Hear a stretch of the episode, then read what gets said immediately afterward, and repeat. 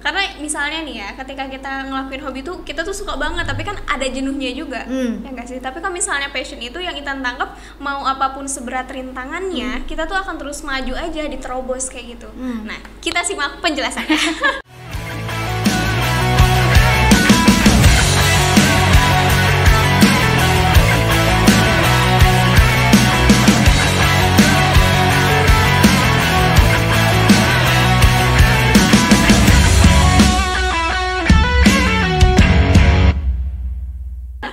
Sebenarnya kalau alasan pragmatisnya aja yang mudah di ini adalah kalau hobi itu kita yang ngeluarin uang. oke bener kita hobi renang kita bayar kolam renang renang. Tapi kalau itu memang sudah jadi passion kita, Iya. gitu ya, sudah jadi passion kita, itu kebalik. Mungkin di awal-awal uh, struggle ya. Tapi lama-lama gitu, itu passion kita itu bisa menghasilkan. Contoh, saya hobi nyanyi. Wow hobi Gitu. nyanyi Ayo, jangan gitu dong. soalnya aku nggak nggak hobi nyanyi Nah, misalkan ya hobi nyanyi nih misalkan. Tapi kan ngukur diri juga. kenapa Kalau misalkan aku nyanyi orang-orang pada lari. Jadi it's not my passion gitu. Jadi bukan bukan untuk ditekuni di situ gitu. Tapi memang saya hobi aja nyanyi. Iya. Gitu ya. Tintan hobinya apa? hobi aku apa ya kira-kira aku sih hobinya baca buku tapi bukunya tuh nggak pernah selesai berarti itu bukan hobi ya jadi bu, setiap aku tuh ngeliat buku Mana ya? jadi aku tuh membaca buku tapi setiap membaca buku tuh emang nggak pernah selesai gitu loh bu Itu kenapa? jadi kadang kalau misalnya Intan beli satu buku Heeh. Intan tuh kayak bu- eh, lihat eh, nam apa sih yang belakangnya tuh kayak Rizam. Kayak sinopsis, ya. Hmm. sinopsisnya dulu Intan baca oh oke nih. Terus Intan lanjut baca ke Hmm. daftar isi Intan baca bab 1 bab 2 ke sana sana tuh kayak bosen gitu loh. Terus Intan cari buku lagi jadi hobi Intan kayaknya membeli buku gitu. Jadi di rumah Intan tuh banyak banget bukunya tapi cuman bab awal aja yang Intan baca gitu terus loh. terus terus terus maksudnya eh, kalau misalnya kayak gitu ya nggak pengen tahu itu akhirnya gimana. Atau misalkan tipe yang baca daftar isi bab 1 bab 2 terus karena karena penasaran gitu ya males sebetulnya baca yang tengah-tengahnya itu langsung ke akhir oh gini doang akhirnya gitu. Enggak enggak. Aku bener-bener kayak bab 1 bab 2 oh ya udah nggak diterusin. Kayak gitu. Terus aku cari buku lagi. Gitu sih. Berarti ya sebetulnya sebetulnya berarti ada ada bukan jenuh ya ada eh, disinterest di di tengah-tengah gitu. Sebetulnya ya Iya. kayak yang jadi pas bab 1 bab 2 gitu.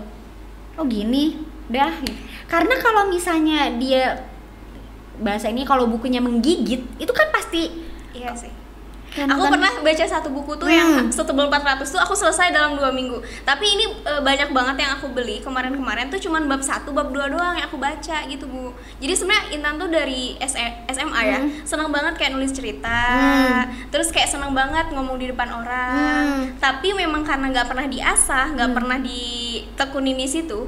Jadi Intan ngerasa kayak eh, si kemampuan-kemampuan itu hilang sedikit demi sedikit gitu loh, Bu setengah-setengah iya ya setengah-setengah jadi Intan tuh suka ini suka sukanya Intan tuh banyak ya kayak misalnya Intan suka kabaret Hmm. Intan tuh banyaknya suka banget perduniaan kayak gitulah ya bu ya Hmm. yang tampil di muka umum gitu Ah. tapi karena memang ke apa ya keter, bukan terpaksa karena lingkungan Intan Hmm. jadi Intan tuh kayak kekip gitu loh hmm. jadi eh, los kabaret ah seni peran tuh bener-bener ditinggalin host tuh bener-bener ditinggalin. Sampai akhirnya Intan ngerasa kayak aduh jenuh juga kayak Hmm. gini gitu. Sampai akhirnya lah Intan masuk jurusan komunikasi karena Intan pengen memperbaiki komunikasi Intan Hmm. gitu. Yang Intan tuh eh apa sih namanya? Keluar Kayak dari dipendam zona ya, nyaman gitu maksudnya. Jadi gimana? Pak Bagyut ya nggak apa-apa nggak ini konseling. Iya. kebalik ya. Ya kebalik. Jadi aku yang ditanya masya allah ya jadi emang kayak aku tuh dulunya suka banget seni peran tampil di muka um- Hmm. tampil di muka di depan orang lah ya Hmm. misalnya. Tapi akhirnya aku masuk ke ke lingkungan yang lain aku dipaksa untuk kayak oke jadi sendiri gitu. Sampai akhirnya kalau misalnya ini kalau aku rasain sendiri gitu udah hampir dua tahun ini kayak ngerasa banyak banget gitu keinginan untuk keluar keinginan untuk resign kayak gitu aduh maaf ya ini ada yang nonton nggak ya temen kerja aku Aduh, mohon maaf ya Pak Bos ya. Ini mah cerita. Jadi emang bener kan karena lingkungan kerja aku itu quality control dan aku nggak Hmm. bisa ngobrol nggak Hmm. bisa ya kan quality control Hmm. harus serius lah Iya, ya betul. nah sampai akhirnya Intan ngerasa kayak aduh Intan tuh eh, jenuh gitu ada perasaan yang mau keluar Hmm. tuh kayak setiap bulan tuh ada gitu bu nah makanya pas Intan dengar penjelasan ibu kayak kita tuh harus menemukan potensi kita itu di mana gitu Hmm. Nah sampai akhirnya Intan eh, sadar juga kalau misalnya potensi Intan itu kayak terpendam gitu, Hmm. terpendam karena lingkungan. Gitu. Iya. Tapi sebetulnya tadi udah udah key pointnya dapet gitu ya. Aku suka seni peran, aku suka dengan segala hal yang apa istilahnya eh Ibu minum ya? menunjukkan kita lah gitu ya di di umum gitu. Itu itu modal. Modal banget gitu.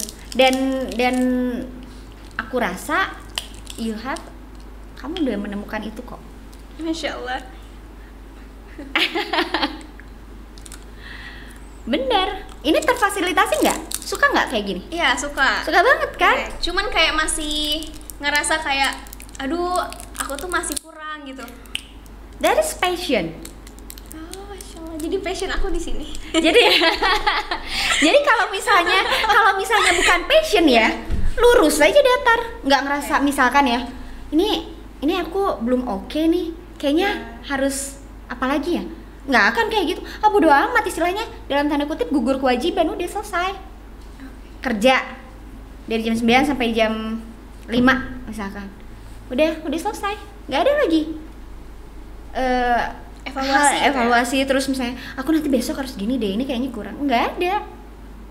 Cuman jadinya ya jadinya tuh kalau kalau kayak gitu banyak nggak orang kayak gitu? Banyak. Gitu ya. Cuman jadinya apa ya? Empty hampa. Gitu hampa gitu gitu sama lah eh Taintan misalnya di QC ya Iya. di eh, quality control terus udah gitu terus ada eh, pengen apa itu namanya resign pengen Iya. segala macam gitu kan Godaannya Masya Allah, auzubillahiminasyaitonirrojim banyak sekali. Iya karena eh, apa namanya ada kemungkinan ya itu tadi ada potensi kita potensi dasar kita yang memang sebetulnya dunianya di situ ini di blocking istilahnya. Gitu kan? Nah terus kayak gimana? Bisa nggak kalau passion itu munculnya justru yang dari tidak suka gitu ya?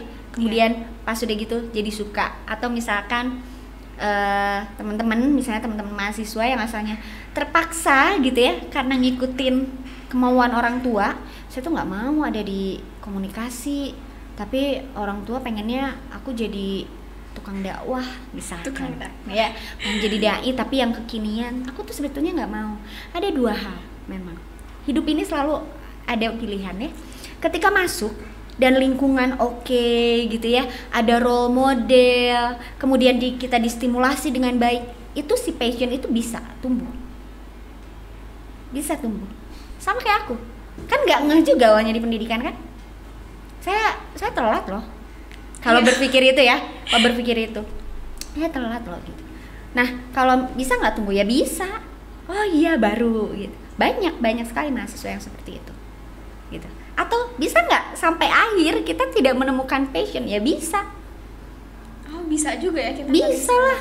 Kalau kita nggak berusaha ya. ya kita tidak aware sama diri sendiri kita tidak belajar merefleksi diri sendiri kita juga ya pokoknya hidupnya ya udah gitu aja lah asal gugur kewajiban ya sudah selesai. Ya itu nggak akan ketemu gitu si potensinya ada di mana. Tapi kadang ada satu titik gitu ya turning point kita di saat kita berpikir ini aku tuh sebenarnya hidupnya mau gimana sih? gitu.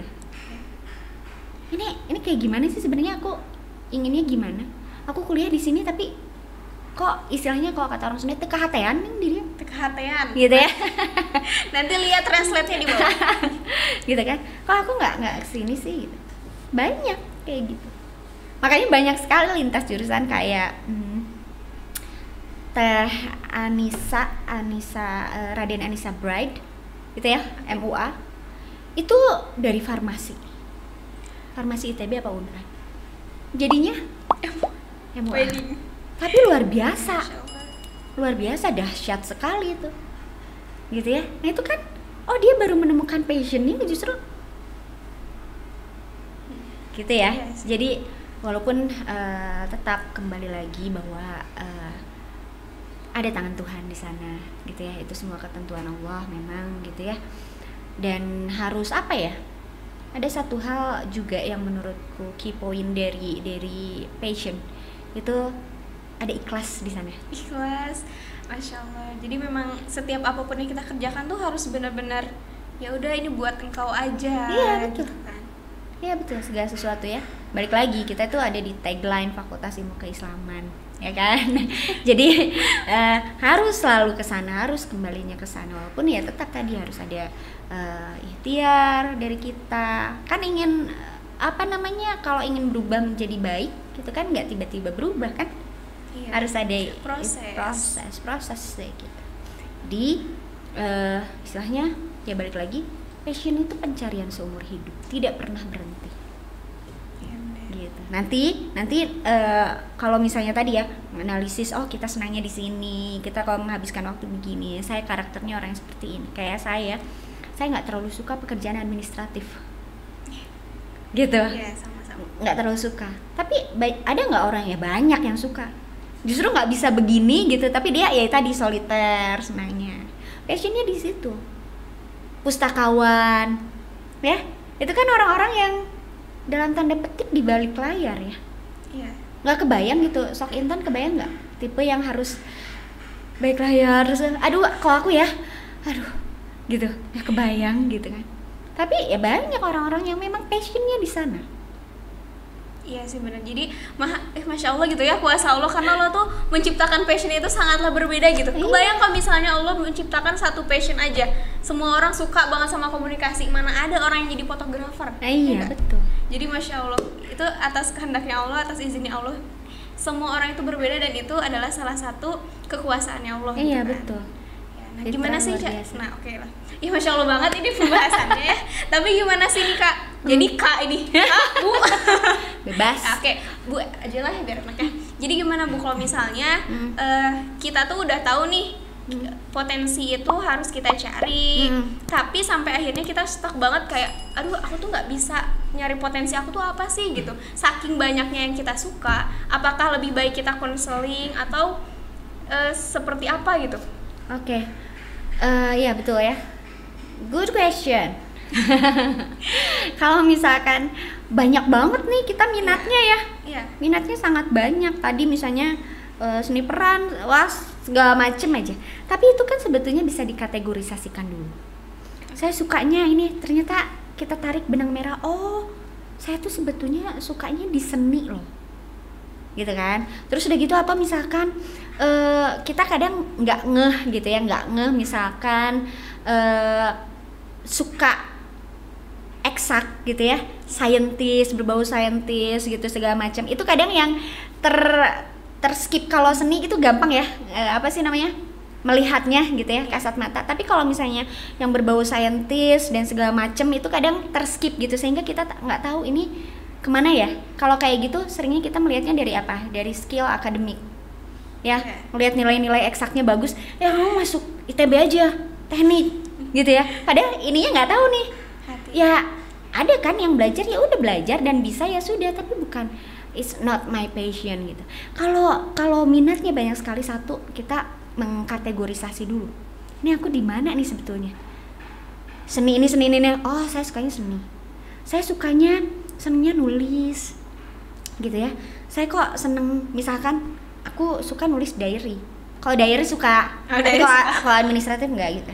Saya suka nulis diary terus udah gitu misalkan eh, kalau bikin kalau sekarang Instagram gitu ya captionnya itu eh, sukanya panjang gitu ya beda-beda ya gitu kan oh berarti ini saya ada di kemampuan yang eh, bahasa linguistiknya nih oke Oke. gitu ya dan segala macam. Nah, PR kita adalah untuk generasi-generasi yang memang adik-adik yang belum masuk ke tingkat perguruan tinggi. Ini aku mau mau ini dulu sedikit aja ya Iya. tentang parenting. Gini. Kita itu ada pendidikan anak usia dini dan dasar. Kemudian kita ada pendidikan menengah dan ada pendidikan Atas. tinggi, gitu ya. Menengah itu menengah pertama dan menengah atas saya mengutip dari eh, guru saya Profesor Eli gitu ya mantan Kadistik Bandung. Jadi di pendidikan anak usia dini dan pendidikan dasar itu capaiannya adalah anak mau anak mau anak mau belajar, anak mau sekolah. Itu capaiannya sebetulnya. Gitu ya. Sehingga anak menikmati I really uh, misalnya apa ya? Uh, I really happy at school misalkan. Nah, itu capaiannya. Di pendidikan menengah gitu ya, menengah uh, apa namanya? menengah pertama dan menengah atas itu anak mampu oke mau dulu mau baru di- mampu. baru mampu tuh. Diasah kan lebih kan gitu. Nah di pendidikan tinggi baru dia menjadi ahli. Oke. but sorry to say kalau di kita di Indonesia ti, dari mulai anak usia dini itu orang tua udah pengennya anak jadi ahli. Ya benar-benar. Jadi calistung itu dari dari usia dini usia dini. padahal kan main gitu anak harus happy di pendidikan anak usia dini itu capaiannya itu anak bahagia sehingga dia mau sekolah jadi nyambung ya ya Nah, ini kenapa? Ini berhubungan nanti dengan passion. Jadi jangan di di stressing, di apa itu, di drilling anak usia dini sehingga dia udah terbiasa. Saya tidak tahu ini nantinya next gitu. ya. Saya nggak tahu ini aku tuh maunya apa ya sebetulnya. Karena dari anak usia dini itu tidak diberi kebebasan. Padahal itu kalau yang namanya potensi yang nantinya related dengan passion gitu ya, itu bisa terlihat dari anak usia dini pun. Ya anak ini sukanya menggambar anak ini sukanya lari-lari tapi dia bagus sekali nih. Kalau misalnya ini berarti kan di fisik motoriknya bagus mungkin dia bisa jadi olahragawan. Gitu ya anaknya ada yang wah baceo luar biasa. Itu kan bisa bi- kalau misalnya sebagai guru sebagai orang tua atau misalnya kakaknya aware tahu dengan edukasi ini ya dia akan paham. Mencoba nanti tuh di, di diarahkan sedini mungkin. Sehingga nanti ketika betul-betul ketika menjadi perguruan di perguruan tinggi itu dia menjadi ahli. Karena udah kelihatan gitu bukan hanya sekedar eh, dari SD ke SMP dari SMP kemudian SMA SMA itu ada anak IPA IPS bahasa lalu dalam tanda kutip mohon maaf banyaknya gengsi orang tua masuk ke IPA jadi eh, seakan-akan anak bahasa dan anak apa IPS. IPS, itu seperti klaster nomor dua gitu. Padahal nggak kayak gitu kan? Ada loh dengan anak di bahasa tapi memang diasah luar biasa ya dia menjadi ahli jadinya. Gitu kan? Makanya dibutuhkan tadi butuh ngasih konseling? Biasanya ada tes minat bakat. Gitu ya. Tapi sekali lagi kalau orang tua para pendidik gitu ya. Kemudian misalnya kakak-kakaknya nih Teh Intan punya adik gitu ya aware dari dari dini gitu itu akan sangat membantu. Akan sangat membantu. Gitu ya. Ketika eh, ini saya sukanya juaranya juara mengarang. Atau jangan dipaksakan untuk les matematika. Orang itu nggak ada yang sempurna. Gitu ya. Pasti punya kelebihan masih punya Iya, kekurangan. Nah pasti. itu bagaimana kita meng eh, apa mengeksplor si kelebihan ini dan di situlah letak si passion itu di situ Iya, iya, iya. Pantesannya kita sering banget menemukan orang-orang yang bener-bener lintas jurusan banget sih kerjaannya. hmm, Karena mereka baru menemukan poten eh, passion mereka di situ gitu ya. Iya. Masya Allah. Iya kan pengennya pengennya apa ya? Pengennya linear gitu ya. Iya. Pengennya gitu. Tapi kan tidak begitu juga. Kalau kemarin di webinar nasional kemarin eh Profesor Aan itu dari UIN sekarang itu zamannya udah transdisiplin. Udah bukan lagi multidisiplin, transdisiplin. Transdisiplin. Ya sekarang di komunikasi ini udah masuknya banyak banget. Psikologi masuk nggak? Masuk. Bahasa masuk nggak? Masuk. Masuk. Masuk. Ya kan? Jadi kita nggak bisa terkungkung juga di eh, apa satu. Makanya tadi eh, balik lagi gitu ya. Jadi yang penting itu apa ya gitu dari potensi. Sebetulnya dasar karakteristik kita dulu. Kita kenal dulu. ya, kita kenal sama diri kita Ah. dulu. Setelah kita udah kenal sama diri kita, terus kita cari potensi bener-bener cari, walaupun itu harus seumur hidup gitu. Iya. Jangan sampai kita nggak tahu potensi kita apa. Kayak apa sih tuh? eh, saya nyebutnya ayam ayamnya Pak Aki apa ya Kentucky Fried Chicken Kenapa? kan itu kakek kakek itu dia baru Iya. menemukan eh, resep itu di umur 60 sekian tahun. Dan sekarang lihat. Ya, masya Allah ya sekarang udah terkenal banget. wow terkenal banget kan? dia baru menemukannya itu loh. Iya, iya. kayak gitu gitu jadi eh, hanya dengan dengan eh, ilmu dan segala macam gitu. Jadi sekarang bolehlah kita mengedukasi masyarakat gitu ya.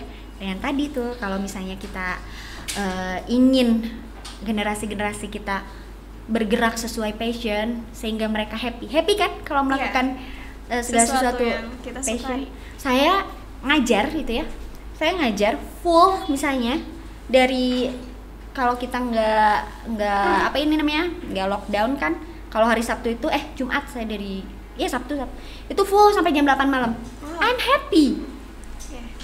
Gitu tapi kalau udah apa namanya kalau udah administratif bener Butek aduh gitu ya. aduh iya benar aduh aduh gitu ya jadi ketika saya diminta hmm, sempat diminta juga mengajar lagi di UPI kalau cuman ngajarnya aja gitu ya di Dugda Muhammadiyah it's okay tapi kan nggak gitu juga kan karena ada harus eh, administrasi yang harus di apa Dituntaskan. dituntaskan. Jadi itu sebetulnya jadi kalau kita tahu passion kita, kita juga tahu di mana sih menganalisis eh, kekurangan kita gitu ya. Itulah yang disebut self reflection, mengenali jadinya kita merefleksi diri sendiri gitu. Kita jadi tahu gitu ketika dikasih tugas ini nggak nggak nggak apa namanya nggak segala iya deh iya Ya, nggak asal dikerjain Nggak ya. asal Kita bakal dikerjain. memilah Hmm. gitu kan. sebetulnya mudah sih kita intan tadi ya satu bikin list misalnya positif negatif kalau positifnya saya tuh apa belajar itu biasanya ya kalau misalnya sesi misalnya saya ngajar terus dikasih tugasnya misalkan eh, apa pengertian dari metode pembelajaran itu cepet tuh mahasiswa cepet gitu ya. Tapi udah gitu saya kasih oke saya hari ini nggak akan ngajar tentang teori saya mau tanya aja. Sebutkan kekurangan dan kelemahan eh sorry kekurangan dan kelemahan. Kekurangan dan kelemahan. kekurangan dan Kelebihan. kelebihan diri gitu. Itu sajam tuh masih nguyek weh gitu.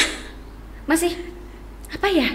Eh, itu karena kita Gak mengenal. kebayang nggak kita tidak mengenal diri kita sendiri gitu? Kan harusnya kita kenal dulu diri kita sendiri baru kita keluar. Iya. gitu ya? Nah itu ini ini hal kecil gitu. Kita iseng aja coba positifnya kita apa sih negatifnya apa? Atau misalnya nggak nggak usah positif negatif dulu. Yang kita sukai apa deh? Iya. yang tidak sukai apa? Rinci. Oh saya tuh kita lihat oh rata-rata yang saya tidak sukai misalkan ya itu memang visual ya misalkan ya. Iya. atau oh rata-rata yang saya tidak suka itu ya pekerjaan administratif ya. Kan itu bisa jelas tuh. Jadi ketika misalkan itu saya kalau misalkan di eh, misalkan panitia seminar nasional atau apa itu ketika S jadi sekretaris oh no gitu udah langsung. Ya dibanding Iya. tidak masalah. Nggak bisa lah ya sekretaris. Oh enggak. Karena menurut saya segala sesuatu itu ada seninya ada ilmunya gitu ya.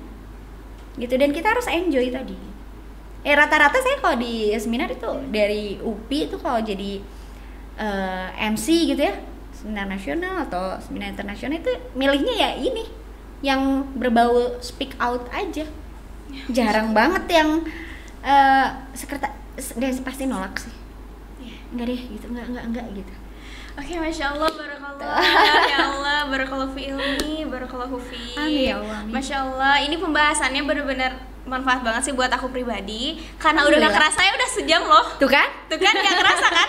tuh kan Jadi buat kalian teman-teman yang belum mengetahui potensi yang ada dalam dirinya, yuk kita sama-sama mengenali diri kita sendiri dan cari potensi kita agar kita gak salah ma- gak salah masuk jurusan gitu. Bisa. Hmm. Karena jangan sampai bukan jangan sampai ya, karena kan perjalanan panjang itu tadi tidak Betul. terduga. Hmm. Karena kita udah dapat pelajarannya, kita udah dapat materinya, mudah-mudahan kita bisa benar-benar memilah apa yang kita sukai, apa yang kita tidak sukai seperti itu. Oke, makasih banyak ya eh, Bu Esti. Iya, Mudah-mudahan ilmu ini bisa kita amalkan. Aduh, muncul. Aduh droplet droplet Aduh. Mudah-mudahan ilmu ini bisa kita amalkan dan masya Allah semoga jadi amal jariah buat Bu Esti ya. Amin ya Allah, Barakallahu amin. ya Allah, masya Allah. Jangan lupa buat teman-teman untuk share konten ini jikalau teman-teman ngerasa konten ini bermanfaat banget buat kalian ya. Dan oke lah, boleh gak satu kali lagi? Hmm. Bisa kasih satu kata motivasi nggak buat teman-teman yang sekarang masih bingung untuk cari potensinya? Enggak. Oke, yang pertama adalah tadi kenali diri sendiri. Kenali diri sendiri. Kenali diri sendiri.